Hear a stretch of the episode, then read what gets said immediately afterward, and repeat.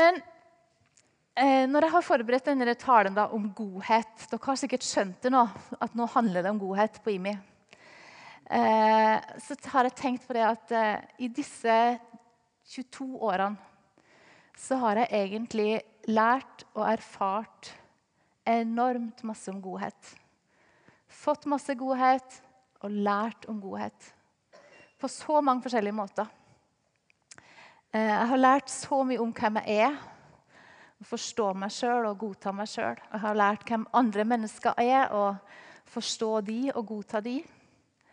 Eh, jeg har lært eh, gått på kurs for å lære å møte andre mennesker på en god måte. Og lytte til folk. Og jeg har lært at jeg kan be for folk når de er syke. Og jeg har lært at jeg kan lytte til Gud for å få ord eller oppmuntringer til mennesker og gi håp. Eh, og jeg har erfart å få middager på døra. Jeg har vært med på ti eh, godhetsuker. Det har vært høydepunkt, og det har vært livsforvandlende. Og allikevel så tror jeg det er så mye mer jeg kan lære om godhet. Jeg tror så, jeg har så mye å gå på, og til så mye mer. Og så vet jeg òg at jeg bommer på det. Sikkert hver dag, mange ganger, bommer jeg på det. Eh, bare spør de jeg bor med, eller spør de jeg jobber med. Så bommer jeg. Jeg har enda så mye å ta imot og lære. Eh, og I dag skal vi snakke om godhet, og spesielt om den praktiske godheten. Eh, for det er jo mai og i slutten på mai, og det er jo snart, så er det godhetsuke. Eh, og er dere klar, folkens? Ja, noen her er klar. Eh, har dere satt av den uka i kalenderen? Ja. Eller er det noen av dere som har glemt det? Nå kan dere ikke se at dere har glemt det lenger, for dere har hørt så mye om det nå. Eh, eller så er det kanskje noen av dere som har tenkt at ja, ja, jeg får se når uka kommer, og så får jeg se hvordan det blir. Um, skal vi i år òg klare å uh, overraske folkene i denne byen med en gjeng som er ute bare for å vise godhet og hjelpe andre?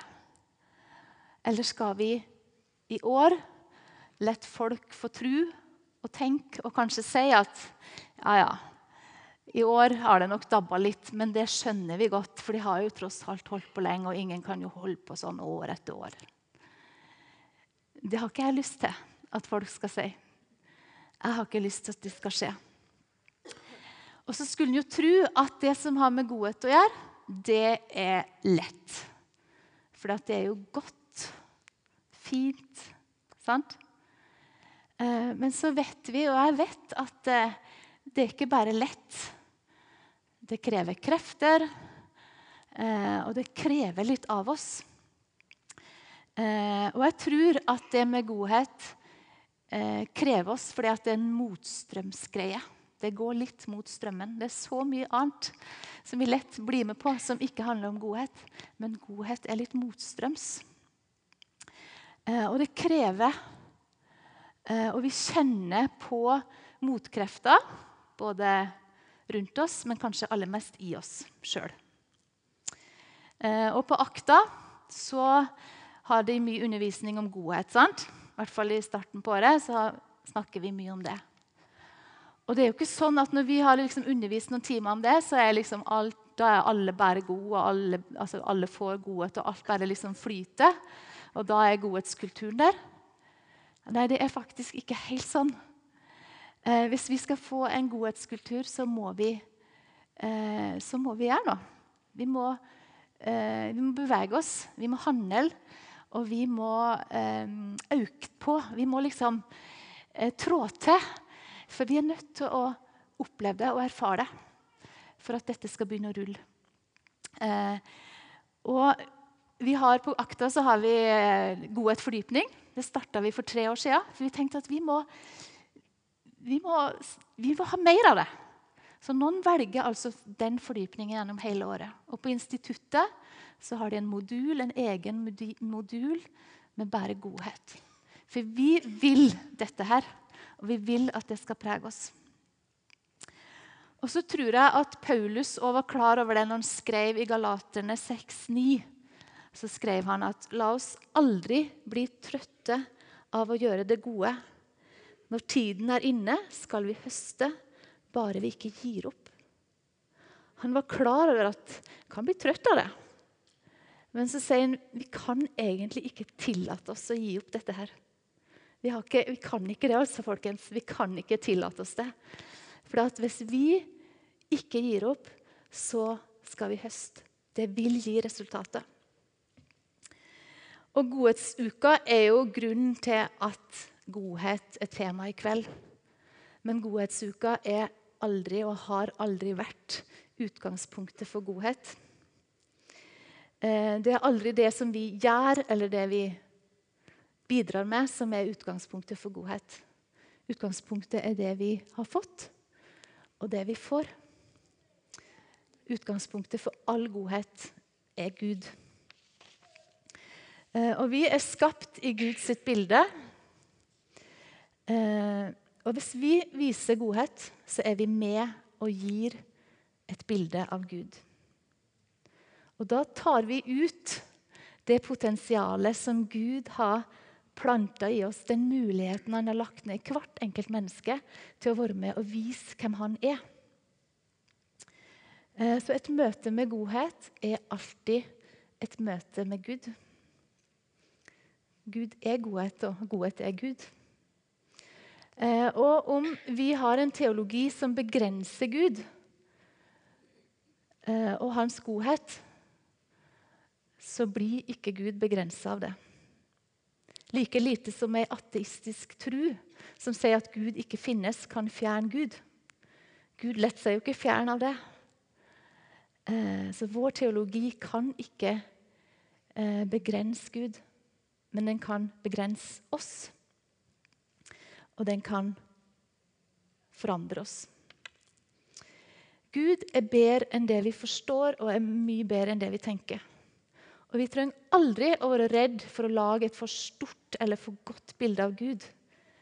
Eh, vi trenger derimot hele veien å fornye og sprenge tankene våre og øke dem for å forstå Gud mer og mer. Eh, og egentlig så kan ikke godhet læres ved at vi snakker om det. Så egentlig så kan dere bare gå.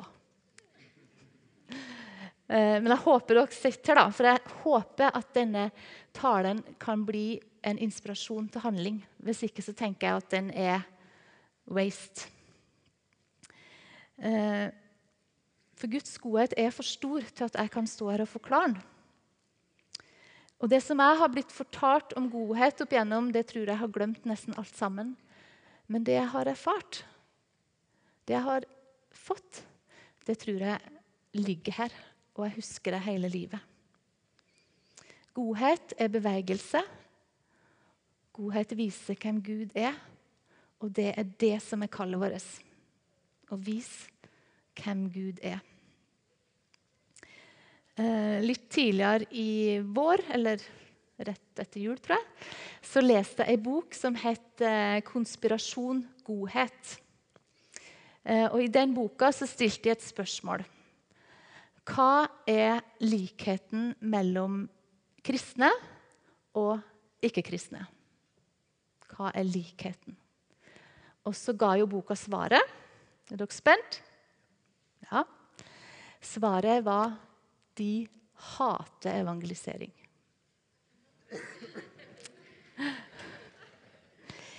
Eh, nå er jo det en spissformulering, men jeg tror og Jeg leste jo mye rundt det etterpå. Den får virkelig fram et poeng.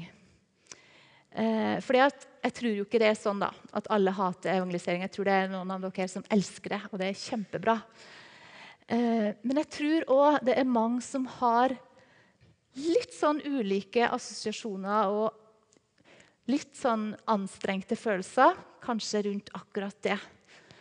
Og kanskje er det noen som har så eh, litt sånn anstrengte assosiasjoner til det. At det har ført oss litt sånn satt oss i sofaen.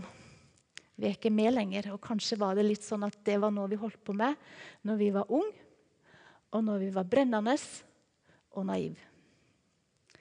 Sånn som ungdommen liker. Sant? Eh, sånn som de, de, holder på med. Eh, og kanskje så hater du det ikke. Men liksom helt ærlig så kan det hende at det har blitt litt sånn at det har blitt litt komplisert. Og Derfor så holder du på med de kristne tingene når du er sammen med de kristne. Og så er det som har med tro å gjøre, det er litt sånn lagt til side når vi er sammen med ikke-kristne. Det tar vi ikke helt fram, fordi at risikoen blir for stor. Eh, og så er det jo ikke sånn at evangeliseringa er målet, og så er godheten middelet. Godheten er eh, der for godhetens skyld. Vi trenger godheten. Godheten er målet. Godhet er sjølve formidlinga av hvem Gud er. Og vi trenger sånne enkle handlinger, bevegelser, små ting for å bevege oss ut av den sofaen og ut til de menneskene som trenger å oppdage Guds godhet og som trenger å få øye på Guds karakter. Og godhet kan møte alle, og det må, bør Det er vel et sånt ord en ikke skal si, men det bør gå foran alt. Godhet det tar ned risikoen, eh, og så høyner det nåden. Eh, hva er det som kommer inn i hodet? Hva er det første du tenker på Tenk litt etter nå. Hva er det første du tenker på når du tenker på Gud? Og hva tror du er det første naboen din eller kollegaen din tenker på når han eller hun tenker på Gud? Det er en som heter Toser. Jeg vet ikke helt hvordan det uttales, men cirka det. Han sier det at det som kommer inn i tanken min når jeg tenker på Gud, er det viktigste ved meg. Um, og det handler nå om hva vi gir plass, uh, og hva vi gir fokus i livet vårt, eller tro for i livet vårt. Uh, Sindre, en som går på akta i år, en av disse favorittene bortpå her han, uh, han forteller det at Før han begynte på Akta, så spilte han fotball på et fotballag. Og når det var sosiale sammenkomster eller fester, så var det viktig for han å være der. For da fikk han de der gode pratene, de gode samtalene. Eh, og veldig ofte, særlig hvis det var litt alkohol, så gikk det ikke så veldig lenge før samtalen handla om tru, eh, når han var til stede. Og Veldig ofte så var en av de første spørsmålene som kom Hater du homofile? Eh, så tenker jeg, det er, ganske, det er ganske trist at det ligger så langt fram. Tenk om alle hadde sin første innskytelse at Gud er god. Da hadde alle sammen tenkt sant om Gud. Eh, da hadde det vært et sant gudsbilde. Eh, og jeg tror at Hvis vi møter folk med godhet, så kan vi være med å eh, forvirre eller forvandle eller utvide de gudsbildene som har gått seg litt feil. Som har blitt litt feil. Og så er det jo mange som sier, eller noen som sier Hva med alle de tragiske ikke akkurat slektstavlene, kanskje, som vi hørte i stad, men hva med alle de tragiske historiene i Bibelen?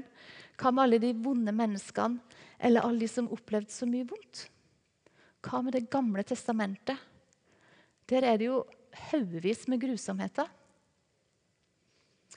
Men Det gamle testamentet viser oss bare en historie eh, som virkelig viser at Guds mest fantastiske godhetsaksjon gjennom Jesus, den var helt nødvendig. Eh, og det er ikke menneskene i Bibelen eller i Det gamle testamentet vi følger, men vi følger Jesus. Og i han er det ingen vondskap.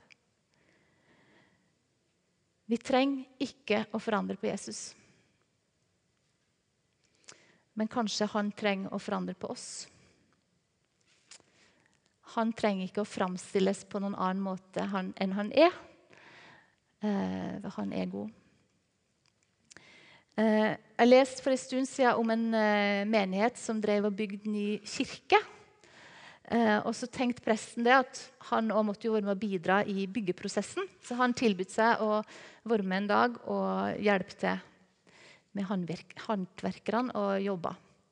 Og så når de skulle gå for dagen, så, han, så, holder de på å kutte opp noen sånne tømmerstokker. Så han sier at men det kan jo jeg gjøre, sjøl om dere må gå. For jeg kan være her litt til. Så han får malen på hvor lang de skal være, og så kutter han de opp. Så tar han malen og så legger han den på stokken, og så kutter han. Så tar han den nye stokken, og så legger han den på neste stokk, og så kutter han. Så tar han den nye stokken, legger den på neste stokk, og så kutter han. Så holder han på sånn til han har kutta alle de stokkene som skal kuttes. Og når han da er ferdig, så viser det seg at lengden på den første stokken og den siste stokken er ganske forskjellig. Eh, for han hadde ikke brukt malen. Han hadde brukt etterligningene, og så hadde han brukt etterligningene, og så hadde han brukt etterligningene. Så Med en gang vi begynner å se på etterligningene, så blir vi forvirra. Vi må se på den rette malen, og vi må ha rett stokk som mal. Eh, og Da er det bare én å se på, og det er Jesus. Og den malen som er Jesus, han bærer vi faktisk i oss. Eh, den hellige ånd. Jesus er i oss. Eh, og Jeg har lyst til å utfordre dere som er her, eh, til å være med den uka i mai, den siste uka i mai. Og gi et bilde av Jesus som sprenger, eller i hvert fall forvirrer, sånne feilbilder som folk har. For det tror jeg det er mange av. Eh, og når Jesus gikk rundt, så gikk jo ikke han rundt og ga alle svarene, han heller. Men jeg tror han gikk rundt og fikk folk til å undre seg, eh, og til å bli litt forvirra, og til å begynne å stille spørsmål. Eh, og vi gir kraft til det som vi tror på. Og Hvis jeg tror en løgn om Gud, så gir jeg den kraft eller plass i livet mitt. Men hvis jeg tror på godheten, så blir det ei kraft som virker i livet mitt. Og det er veldig skummelt hvis vi, når vi får problemer, begynner å betvile Guds godhet. For hvis jeg betviler Guds godhet, så hindrer det meg i å gå til Han som jeg trenger å gå til for å få trøst, eller for å få kraft, eller for å få fred, eller for å få hvile. Han som har alt. Han som kan gi meg mer enn det jeg skjønner sjøl å be om. Så vi må ikke betvile hans godhet. Det er han vi trenger å gå til da, når livet røyner.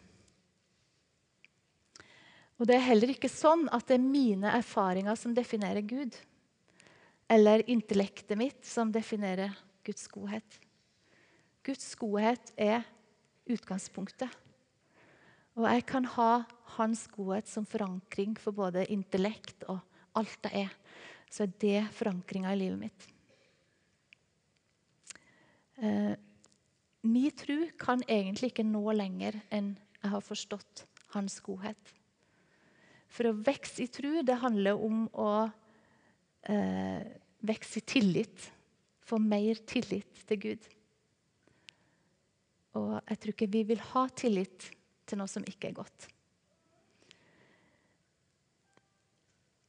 I Jeremia 29, 13 så står det Hvis dere søker meg av et helt hjerte, skal dere finne meg.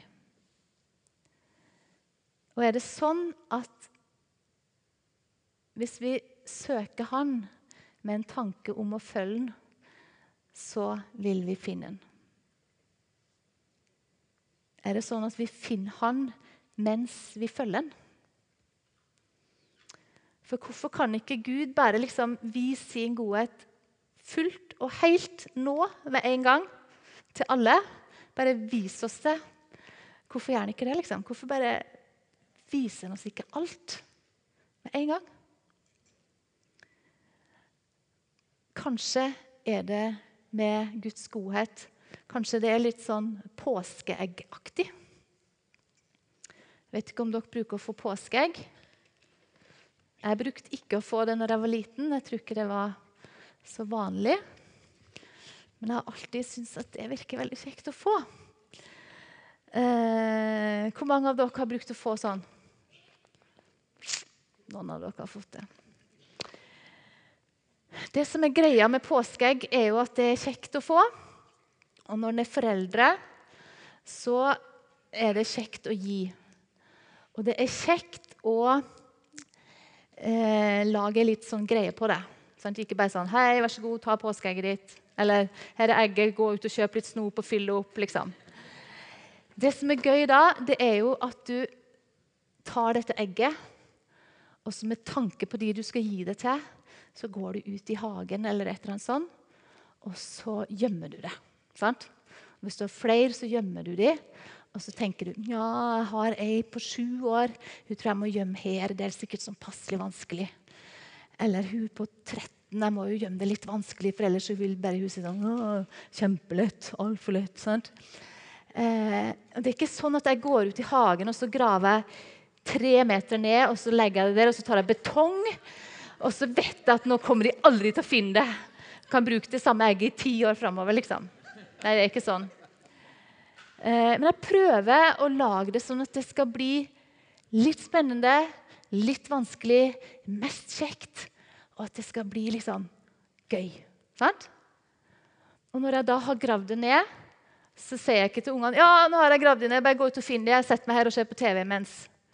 Nei, når de skal ut og finne det, så må jeg liksom være med. Så må jeg se på. Og så må jeg liksom følge med om de finner det. Og så må jeg liksom kanskje, hvis det går litt treigt, så må jeg gi noen sånne helt utydelige hint. Og så er jeg liksom med på det. Og så er det liksom greia at det er så gøy å se. Når de leter, når de er spent, og når de finner det, så er det kjempegøy. Eh, og så gjør det noe med den der relasjonen vi har. For at vi skjønner at dette har vi sammen. Dette er noe vi holder på med. Dette er, noe som vi, dette er greier som vi har, og som betyr noe for oss. Og kanskje er det litt sånn med Gud òg at det å eh, finne hans godhet, det å oppdage hans godhet, det å bli kjent med hans godhet, det er sånn ei relasjonsgreie. Så vi må leite litt, vi må søke litt. Vi oppdager, og så vil han gjerne være sammen med oss i det. Og så finner vi litt etter hva vi er i stand til, og etter hvor langt vi har kommet så langt. Og, så oppdager vi hans godhet. Eh, og kanskje er måten vi leter på og søker på og finner på, en del av selve godheten. En del av eh, den gleden som godheten er. Det er i hvert fall med å øke gleden og øke opplevelsen. Eh, for Gud han kan egentlig velge akkurat når og hvem han vil vise godhet til. Men jeg tror han først og fremst ønsker at vi skal bli kjent med hjertet hans. Og jeg tror han først og fremst vil at vi skal oppdage han. Og jeg tror at det skjer noe når vi har oppdaga hans hjerte for andre mennesker. Da tror jeg de menneskene skjønner at oi, dette kommer fra noen andre. Dette kommer fra en annen plass. Dette tror jeg kanskje har noe med Gud å gjøre. Eller den guden de tror på. Eh, og når jeg holdt på med dette, her, så kom jeg på en historie fra mitt liv. Eh, jeg har tre fantastiske døtre. Og når de to eldste var fem og sju år, så ble jeg da gravid med nummer tre. Det var veldig kjekt. Det var en stor glede. Og en av gledene ved det var at jeg visste at disse to store jentene Det største ønsket i hele verden var å bli storesøstre. Og når jeg ble gravid, så begynte jeg å glede meg til å fortelle det til de. For jeg visste at åh, det blir gøy. Det blir gøy å si det til de. Eh, og da var det jo ikke sånn at en dag når vi satt og spiste middag og vi satt og snakka om været eller skolen, eller et eller annet, så sa jeg ja, dere skal bli storesøstre i april. Kan du sende meg den sausen og så få den salaten? Sånn? Jeg gjorde ikke det, altså. Jeg tenkte at dette, det krever litt mer dette er en stor glede. Den her må jeg forvalte. Sånn at de virkelig skal skjønne storheten. Så En dag så sa vi at i dag når dere kommer hjem fra skolen, så må dere ikke ta med noen hjem til middag, for i dag skal vi ha en fest med bare familien. Og De var sånn OK. De var liksom vant til at de kunne ha med folk hjem, men det var greit. Så kom de hjem, og så spiste vi middag. Og så sa vi at nå har vi laga en rebus til dere. Så nå skal dere få løse en rebus. Så de sprang rundt i huset på mange forskjellige poster. Den ene Dattera mi minte meg om det i dag, at de var til og med oppe i fryseren for å finne en post. Eh, det husker jeg. ikke. og leit, sprang rundt og leita og løste oppgaver for å finne neste post. Og da Den siste posten den var på min mage.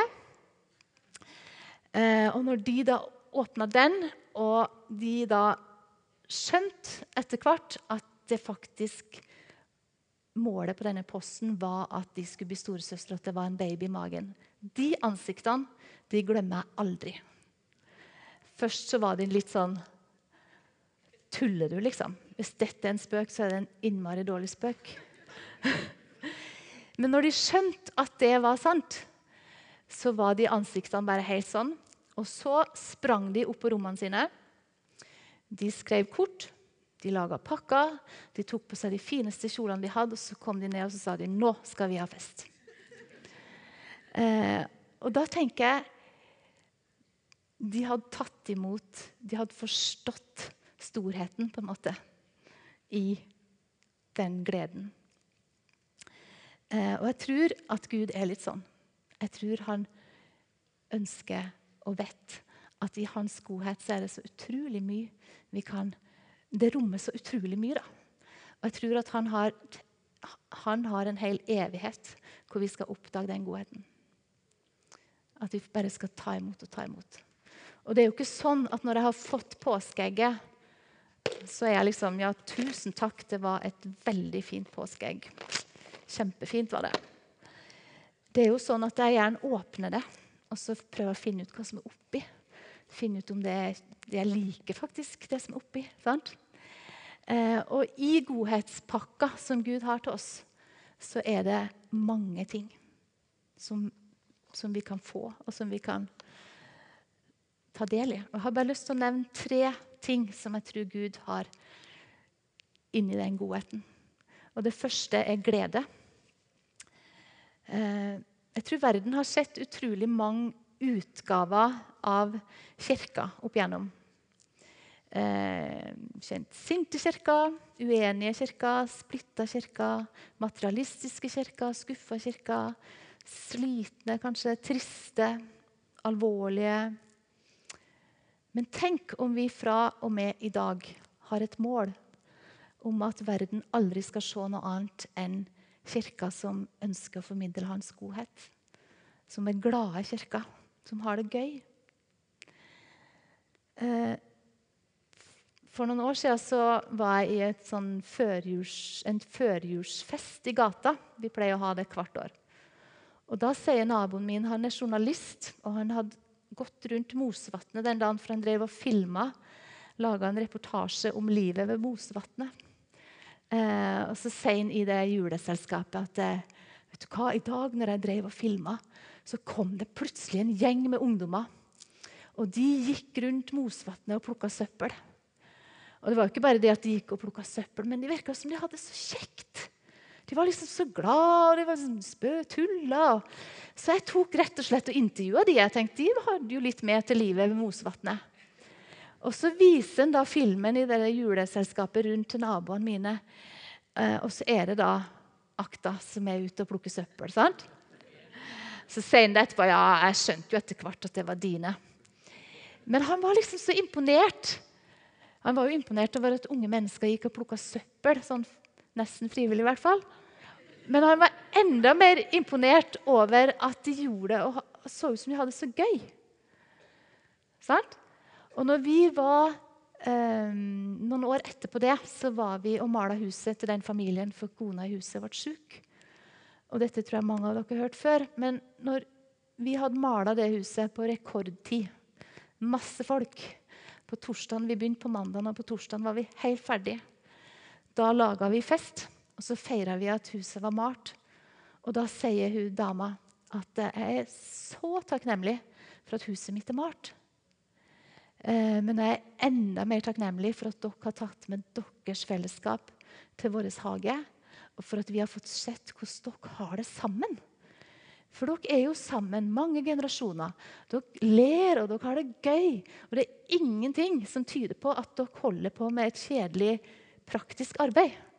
Det virker jo som det er en sann glede. Og det har gjort så utrolig inntrykk på meg. Så tusen takk for at jeg fikk lov til det. Eh, og i den der godheten så er det en glede. Og jeg er like overraska hvert år når jeg er med, over at jeg kjenner meg så glad. For jeg er ikke spesielt glad i verken hagearbeid eller husmaling. Men jeg blir liksom så glad. Nesten sånn kick når jeg kommer hjem. Og så tror jeg at i godhet så er, det, så er Guds omsorg. Eh, og det er ikke sånn at Gud har omsorg bare for en åndelig bit av meg. Han har han er opptatt av alt ved meg til enhver tid. Og han har omsorg for hele mennesket. Han har omsorg for alle områder. Og når Jesus eh, var ute i ødemarka, og før han metta 5000, så sier Jesus til disiplene sine Jeg synes inderlig synd på folket. De har alt vært med meg i tre dager, og de har ikke noe å spise. Sender jeg dem sultne hjem, vil de bli helt utmattet på veien. Noen av dem kommer langveisfra. Altså, han har omsorg for at de skulle få mat, at de skulle ha det bra. Ikke bare det han skulle fortelle dem. Og jeg tror at på samme måte som han hadde omsorg for den maten, eller for at fiskerne skulle få fisk, så har han omsorg for alle menneskene som bor i den byen her. Han har omsorg for det. Han vil at de skal ha det godt. Han vil at de skal ha det de trenger. Han vil at de skal leve verdige liv. At de skal få den hjelpa de trenger. Eh, og Det står i Galaterne 6,2.: Bær hverandres byrder og oppfyll på den måten Kristi lov. Kristi lov, Guds lov. Eh, at alle skal ha det godt. Er det Guds lov? Tenk om alle forsto det. Det er Guds lov at alle skal ha det godt. Og I, den byen vi bor i, så tror jeg det er mange som bærer tunge byrder. Mange som har sønderknuste hjerter, som det står om i Salme 34. Eh, og de trenger å kjenne Guds omsorg. Og de trenger å tro at det er noen som ønsker å leve etter Guds lov om at alle mennesker skal ha det godt. Og Det siste som jeg vil nevne, som vi finner inni den godhetsgreia, det er håp. Jeg kan ikke snakke om godhet uten å snakke om håp. Eh, for jeg tror når vi gir godhet, så er vi med og gir håp. Eh, og Da tenker jeg på en mann som bor her på Kjensvoll, som vi må ha mala huset til for et par år siden.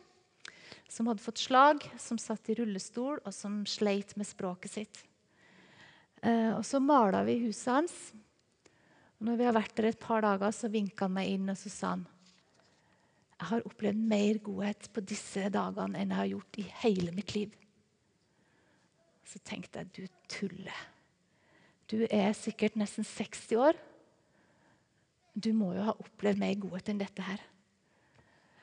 Men så tror jeg det var hans opplevelse, og så tror jeg det handla om at han i de omstendighetene han var. For han satt fortsatt i den rullestolen, og han hadde fortsatt problemer med språket. Men så hadde han fått et håp om at det kan Jeg kan allikevel erfare godhet. Det fins allikevel godhet. Det fins gode ting i livet som er uavhengig av omstendighetene mine.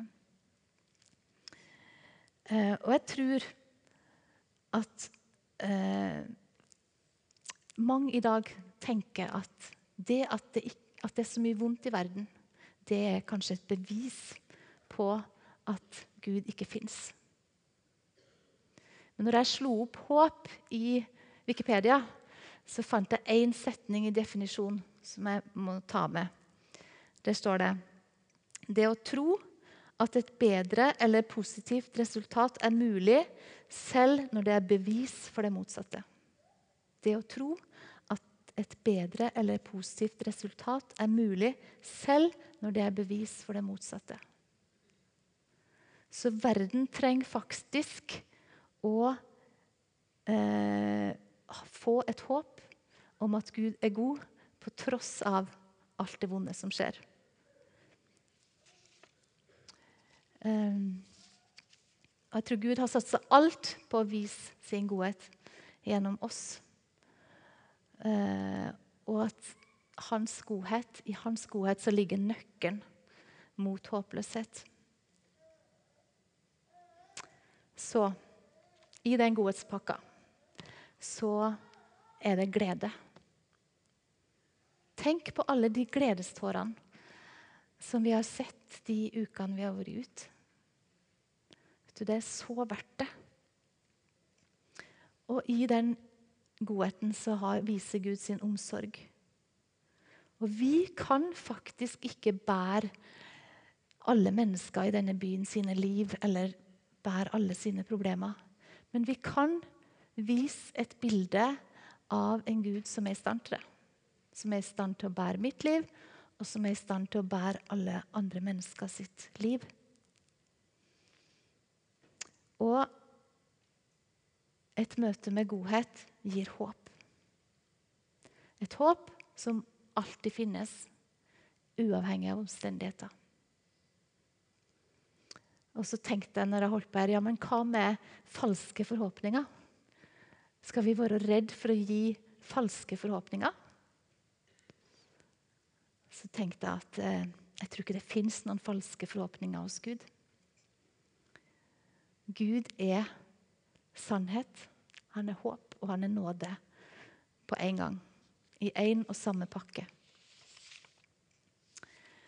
Så jeg har lyst til å utfordre dere og ønske dere velkommen til å være med på dette her.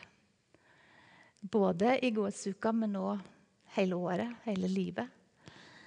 Eh, og så har jeg lyst til å eh, utfordre dere til å ta en litt sånn beslutning nå om å være med. Eh, og så har jeg lyst til å gi dere noen veldig gode løfter inn i den beslutningen. For dette er ikke noe som er mitt prosjekt eller Imi sitt prosjekt, eller, eller eh, noen her som har, står i bresjen for det. Dette her er Guds prosjekt. Og Gud har gitt løfter til oss eh, når han har kalt oss til å være med på det. Så før de synger en sang, så har jeg lyst til at du som har lyst, kjenner at vet du hva, dette har jeg bare lyst til å gå for. Dette har jeg lyst til å være med på. Jeg har lyst til å være en som er med og gjør Guds godhet synlig og mer tydelig i denne byen. Så jeg har lyst til at du skal legge handa på hjertet ditt. Så har jeg lyst til å lese ei bønn eh, over oss. Og så har jeg også lyst til å lese et annet bibelvers etterpå. Så du skal bare få ta imot fra 2. Tessaloniker 2, 16-17. Vår Herre Jesus Kristus selv og Gud vår Far, som har elsket oss og i sin nåde gitt oss en evig trøst og et godt håp. Han gir deres hjerte mot og styrke til all god gjerning.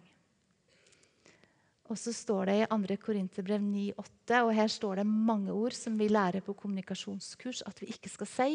Sånn det er aldri og alltid og alle og sånn. Men legg merke til de ordene. Gud trenger ikke å være redd for sterke ord, for han står ved sine ord.